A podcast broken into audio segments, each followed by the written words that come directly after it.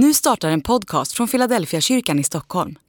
Om du vill komma i kontakt med oss, skriv gärna ett mejl till hejfiladelfiakyrkan.se.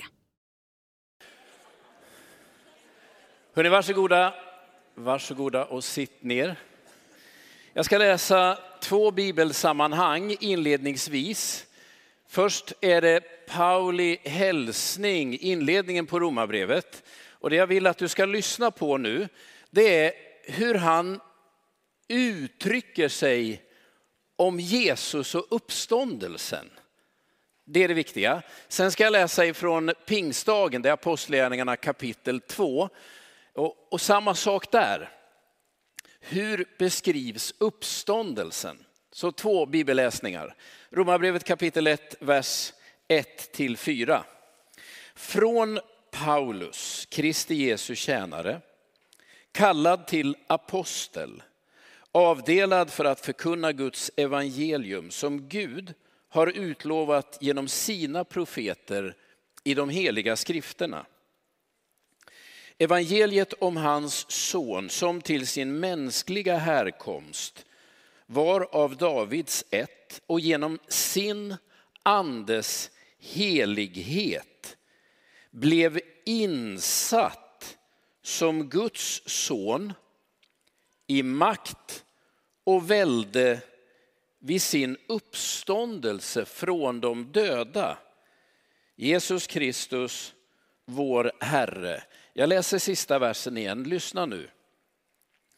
Och genom sin andes helighet blev insatt som Guds son i makt och välde vid sin uppståndelse från de döda, Jesus Kristus, vår Herre. Så tar vi Apostlagärningarna kapitel 2. Och där ska jag läsa inledningen. Det här är Petrus predikan. Och jag läser inledningen och avslutningen, hans predikan på pingstdagen. Vers 22 till 24 och sen vers 32 till 36. Apostlagärningarnas andra kapitel. Israeliter, lyssna på mina ord. Jesus från Nasaret, en man vars uppdrag Gud bekräftade inför er genom att låta honom utföra kraftgärningar och under och tecken mitt ibland er, som ni själva vet. Han utlämnades efter Guds beslut och plan och ni lät laglösa spika fast och döda honom.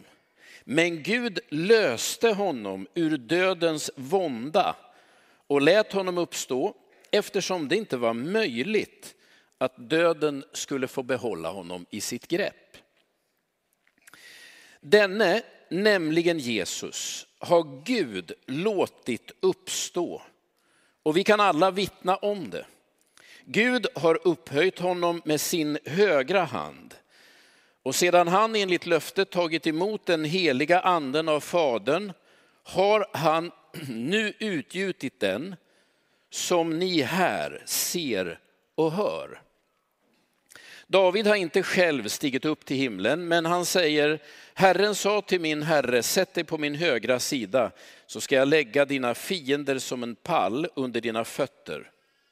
Hela Israels folk ska alltså vara fast förvissat om att Gud har gjort honom till Herre och till Messias, denne Jesus som ni har korsfäst. Det är någonting i de här formuleringarna som åtminstone jag hajar till för. Det verkar som att när Jesus uppstår från de döda, det är då han blir Herre och Messias. Men det var han ju redan innan. Eller som Paulus säger i Romarbrevet 2, han blev insatt som Guds son i makt och välde vid sin uppståndelse från de döda. Jag ska förklara varför jag hajar till. Tre gånger i evangelierna är det väldigt tydligt från början, i mitten och vid slutet att Jesus är Guds son. När Jesus döps, öppnas himlen, en röst säger, detta är min älskade son i vilken jag har behag, lyssna till honom. Alltså, han är Guds son. Och så någonstans i mitten då är Jesus uppe på ett berg med några av sina lärjungar. Och det är som att himlen öppnar sig, en röst talar, säger samma sak. Detta är min älskade son, vilken jag har behag till. Lyssna på honom. Han är Guds son när han döps, han är Guds son när han är mitt på berget. Och sen är det ju när Jesus dör, det är en officer visserligen, ingen ängel och ingen röst från himlen, utan en romersk officer som tittar på Jesus och säger den mannen måste ha varit Guds son. Så Jesus är ju Guds son från början. Jag skulle till och med gå så långt så att jag skulle säga att nej, Jesus har i all evighet varit Guds son. Alltså han har alltid, även innan han föddes, varit Guds son. Men här säger Paulus i Romarbrevet att ja, det var så att när Gud uppväckte Jesus från de döda, då insatte han honom eh, som sin son i makt och välde. Man hajar till, i alla fall gör jag det. Vad är det som händer i uppståndelsen? För någonting alldeles påtagligt händer, eller på pingstdagen så säger, så säger Petrus till alla församlade att han som ni korsfäste lät laglösa spika fast och döda, som döden inte kunde behålla i sitt grepp, Gud uppväckte honom och nu har han gjort honom till Herre och till Messias. Han var ju Messias innan han uppstod. Alla gammaltestamentliga texter pekar ju ut honom som det, men någonting händer i uppståndelsen. Det är det här jag ska försöka reda lite grann i nu. Det här är frågan. Och sen är det också väldigt tydligt när man läser Nya Testamentet och läser hur det predikades i den första församlingen när evangeliet började spridas. Att det man om och om och om och om igen pekar på var uppståndelsen. Men idag när man kommer in i de flesta kyrkor så frågar folk, var är korset? Det är ju dödens verktyg, men men de första kristna talar inte om korset, de talar om den tomma graven och om den uppståndne och levande Jesus. Det ena är inte rätt och det andra är inte fel, men det är en annan betoning. Det är väldigt, väldigt påtagligt. Så låt mig bara försöka förklara så gott jag kan vad, vad det är jag tror vi ska försöka se. Vi lever ju här i Sverige i en otroligt individualistisk kultur. Det har aldrig funnits någonting som liknar vår kultur. Vi individer med rättigheter och ibland skyldigheter. Vi har, en, vi har en bakgrund som ganska mycket handlar om att göra rätt och inte göra fel. Alltså rättvisa, ordning och reda, så ser vår kultur ut. Om du nu bara förflyttar dig 2000 år bakåt i tiden till romarriket, till antiken, då har du gått helt ur vår typ av kultur och in i en helt annan sorts sätt att tänka. Och ibland brukar man beskriva det som skam och heder. Den typen av kulturer som kretsar runt skam och heder, de finns än idag, men i andra delar av världen. Men där handlar allt om min status. Alltså den värdighet jag tillmäts, den betydelse jag har. Och det värsta man kan tänka sig är att förlora sin heder, att bli utskämd. Det är det här, de här mekanismerna som inträffar på långfredagen när Jesus dör. Jag ska peka på några saker och bara försöka beskriva innebörden, innebörden i dem. I, I rättegången mot Jesus så finns det många inblandade. Det är överstepräster, det är soldater. Men en nyckelfigur är Pontius Pilatus. Vet ni vem han var?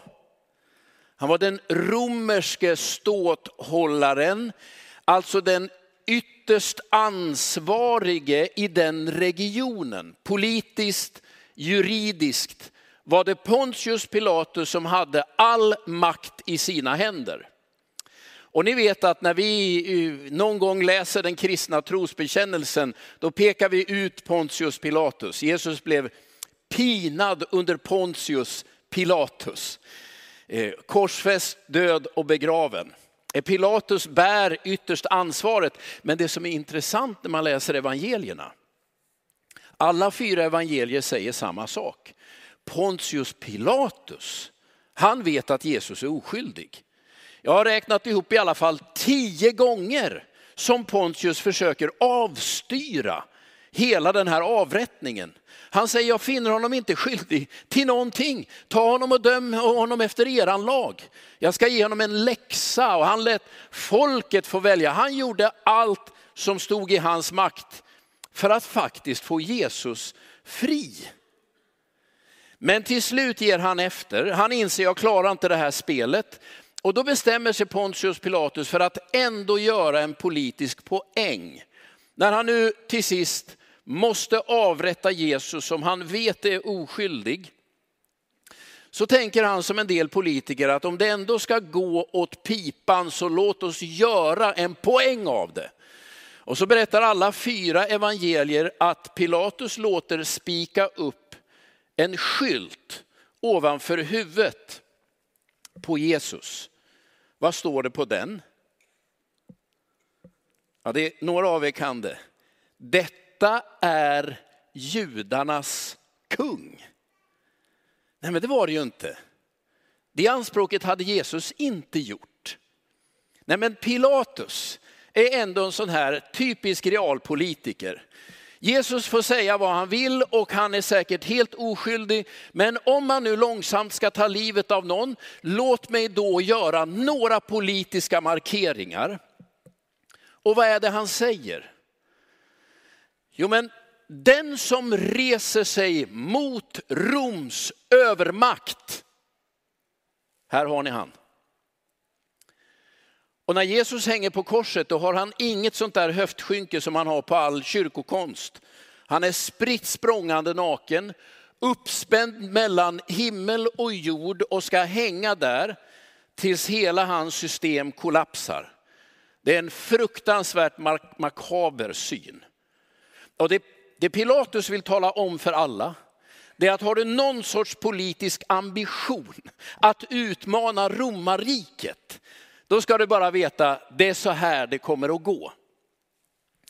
Och korsfästelsen, det var det straff man hade sparat för de värsta förbrytarna. Alla som begick det som kallas hög förräderi, alltså som vände sig mot den romerska staten, de statuerade man sådana här exempel med. Alltså politiskt sett, om nu Jesus har haft någon politisk ambition, så dör den på den där kullen på långfredagen.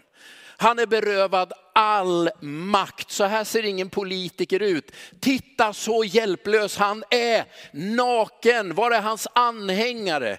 Inga plakat som säger rösta på Jesus, han är bäst. Här har ni eran kung.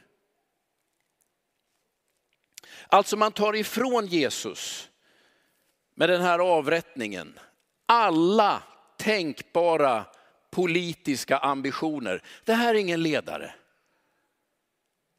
Det här är bara en spillra kvar. De judiska ledarna som ju hade initierat hela den här rättsprocessen, de anklagade först Jesus för hädelse. Och det är samma anklagelse som en, en av Jesu efterföljare senare drabbas av, Stefanos. Och straffet för att häda det var ju att bli stenad och Stefanos stenar man. Men det gör man inte med Jesus. Utan man går istället med Jesus till Pilatus och då måste man ändra anklagelsen och så säger man, han har talat mot kejsaren och det är då Pilatus fattar, det har han inte. Men han ger med sig. Varför gör de judiska ledarna så? Varför, varför ska de ha Pilatus och ta livet av honom? Alla kommande martyrer, de dödas på andra sätt. Man gör processen kort på gatan, men inte med Jesus. Jo, men det var bara romarna som kunde korsfästa. Och i den judiska lagen, femte Moseboks 21 kapitel, så står det förbannad är var och en som hängs upp på en träpåle. Och om man nu vill avliva någon som är profet eller påstår sig vara Guds sändebud eller Guds egen son, då finns det bara ett sätt att ta död på det ryktet. Och det är att få honom korsfäst. För då vet alla rättrogna judar att den där personen har inte med Gud att göra. Den där personen är förbannad av Gud. Och för att ta det ännu längre, i den judiska martyrhistorien finns ju massor av judar som korsfästes under det romerska förtrycket. Lyssna nu, ingen av de martyrerna är nämnda vid namn någonstans. De är strukna ur historien. Varför? Ja, men den som är upphängd på en träpåle är förbannad av Gud. Och en person förbannad av Gud ska vi inte nämna hans namn. Vi ska inte tala om vad han har gjort. Och hans lära ska vi aldrig mer upprepa. Hans namn stryks ur historien. Eh, alla bilder bort ur familjealbumet. Bara radera honom. Han är förbannad av Gud. Så det som händer på långfredagen är ju att Jesus är religiöst, andligt, helt bortplockad, politiskt, helt avklädd. Sen berättar alla fyra evangelier samma utstuderat sadistiska händelse. När Jesus hänger på korset så sitter ju bödlarna, de som har spikat upp honom, på marken framför honom. Vad gör de med hans kläder, med hans ägodelar? När Jesus hänger där, fortfarande vid medvetande, så ser han att de börjar spela tärning om hans kläder. Vad, är, vad handlar det här om? Det var ytterligare en del av detta otroligt grymma och sadistiska straff. Allt du har ägt, alla dina tillgångar, nu hänger du helt naken mellan himmel och jord, kippar efter andan. Det sista du ska se innan du dör är hur alla spår av att du överhuvudtaget har existerat raderas. Ditt namn ska aldrig mer nämnas. Din undervisning, dina handlingar ska vi aldrig mer prata om. Dina ägodelar kommer nu att delas ut på andra. Vad blir kvar av dig? Svar, ingenting.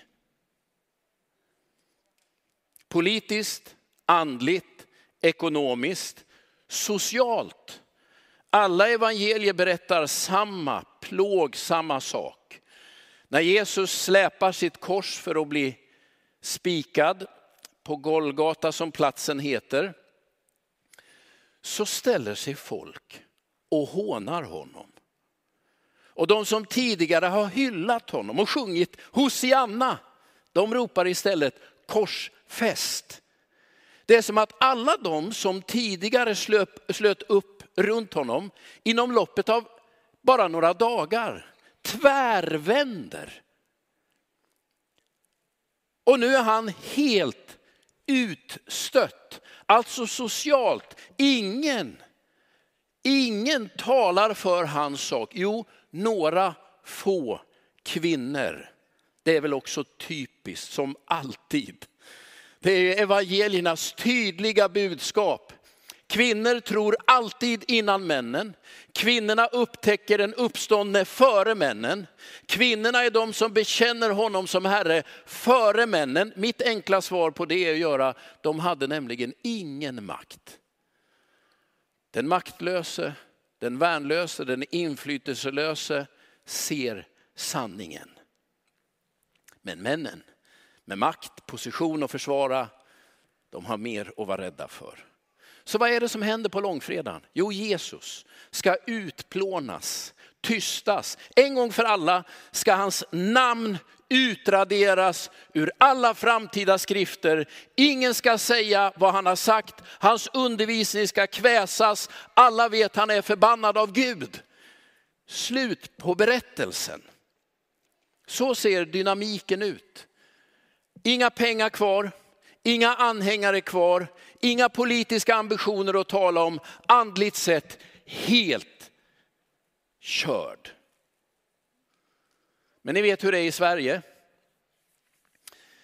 När man har gått igenom en rättsprocess så finns det ju några olika instanser. Jag kan inte det här så jag ska vara lite försiktig, men jag tror ändå att det är Högsta domstolen som är sista instans. Man kan vädja att få sitt fall prövat. Man förflyttar sig uppåt, uppåt, uppåt. Det är precis den där upptrappningen man ser i evangelierna.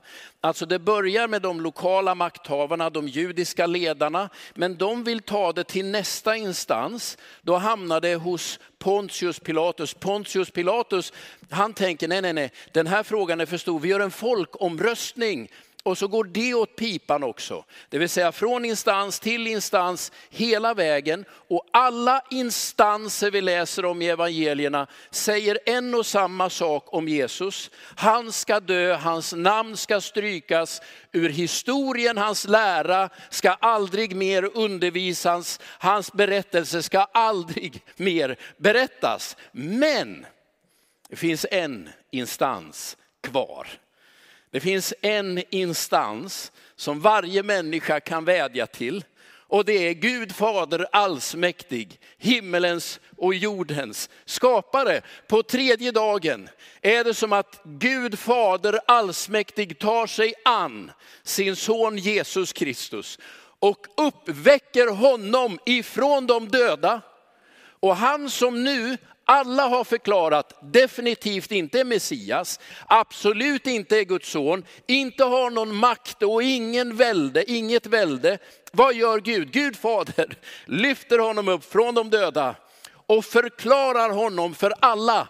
Detta är min älskade son, makten är i hans händer. Han är den jag har smort. Han överprövar romarrikets makthavare han överprövar folkdomstolen, han överprövar de judiska ledarna, kör över allihopa. Och så säger han, detta är min älskade son. All makt är lagd i hans händer. Det är därför de första kristna gång på gång berättar att han som blev korsfäst, alltså vars namn skulle utplånas, vars minne skulle glömmas, Gud uppväckte honom från de döda. Och det betyder inte bara att han lever, det betyder att han står över alla andra maktinstanser i detta universum.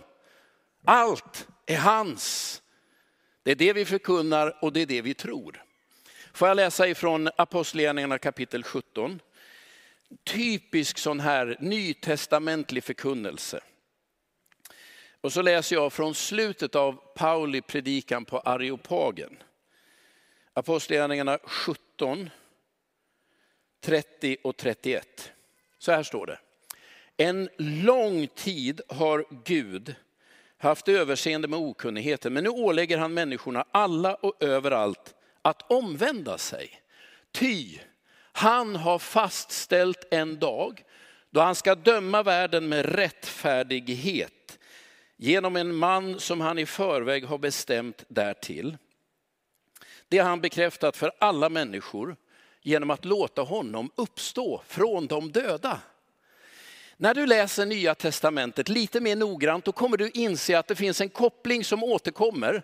Och det är den att han som har uppstått från de döda, han är domare. All domsmakt ligger i hans hand. Nu inser jag att en del tycker det där låter lite illavarslande. Personligen tycker jag det är det bästa som har hänt. Och när Bibeln säger att han som har uppstått är den som ska döma så säger ju Bibeln, han är den yttersta instansen för allt och alla. Och så finns det några slutsatser man kan dra av detta.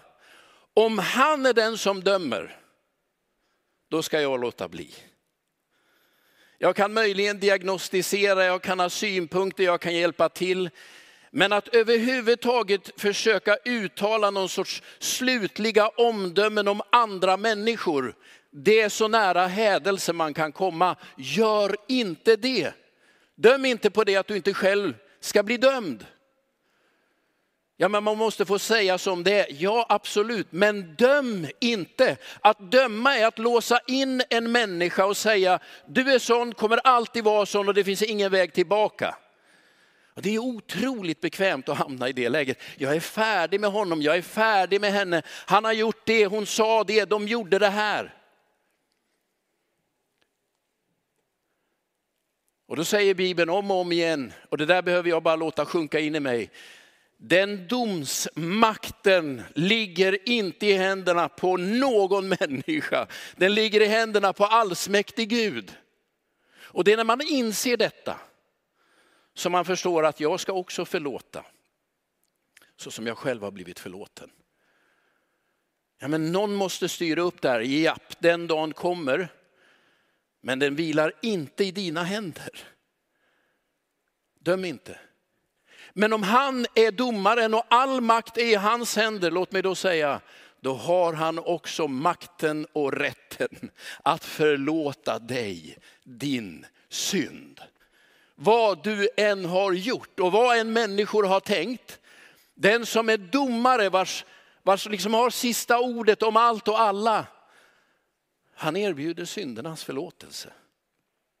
Det är detta som är själva kärnan i vår tro. Om du vänder dig till honom så blir din synd förlåten och du får den heliga ande som gåva. Vem är det som delar ut syndernas förlåtelse och vem är det som fyller med helig ande? Det är domaren. Han som har allt i sina händer.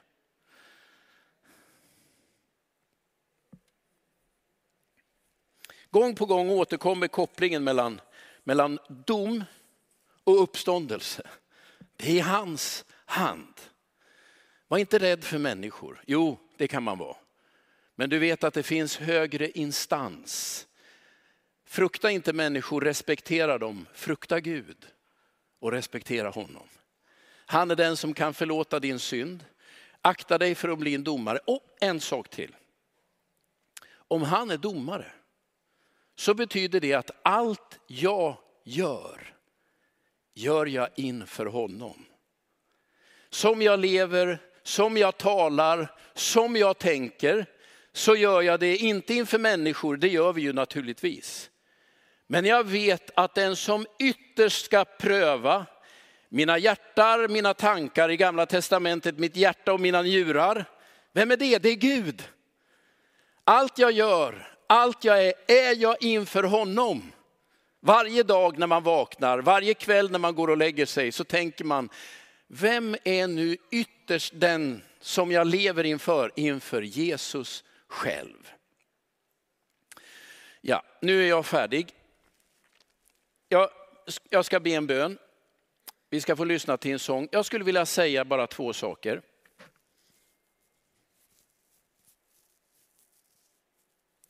Du som vet med dig att du har fällt dom över andra människor. Stängt dörren, tänkt aldrig mer, jag är färdig. Du, jag skulle vilja locka dig. Släpp taget. Låt Jesus få ta hand om det där. Det kan göra ont, det sitter mycket sår i hjärtat. Men han är den som förlåter synder. Han är den som har allt i sin hand. Döm inte. Du får ha synpunkter på andra människor. Man kan prata om andra människor också. Men det där att fälla slutliga omdömen som är definitiva och som det inte finns någon väg tillbaka. Om du har gått ditåt, backa undan.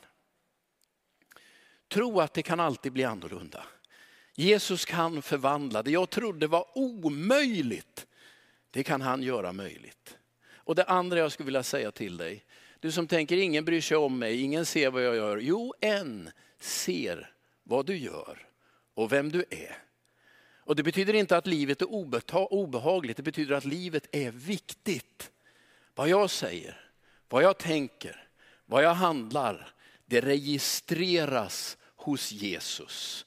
Allt är viktigt hos honom. Och kanske behöver du bara ta det till ditt hjärta igen. Låt oss nu be.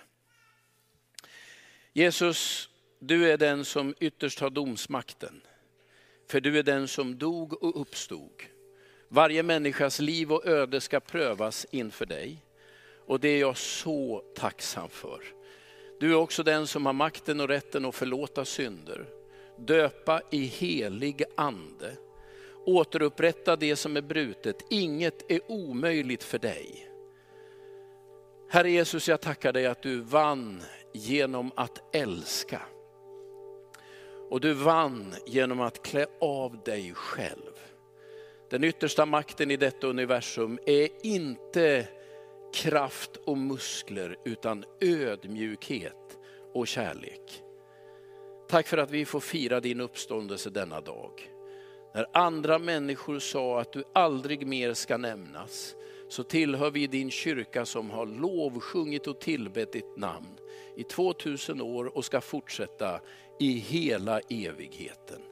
Din är äran, makten, väldet och härligheten i evigheters evighet.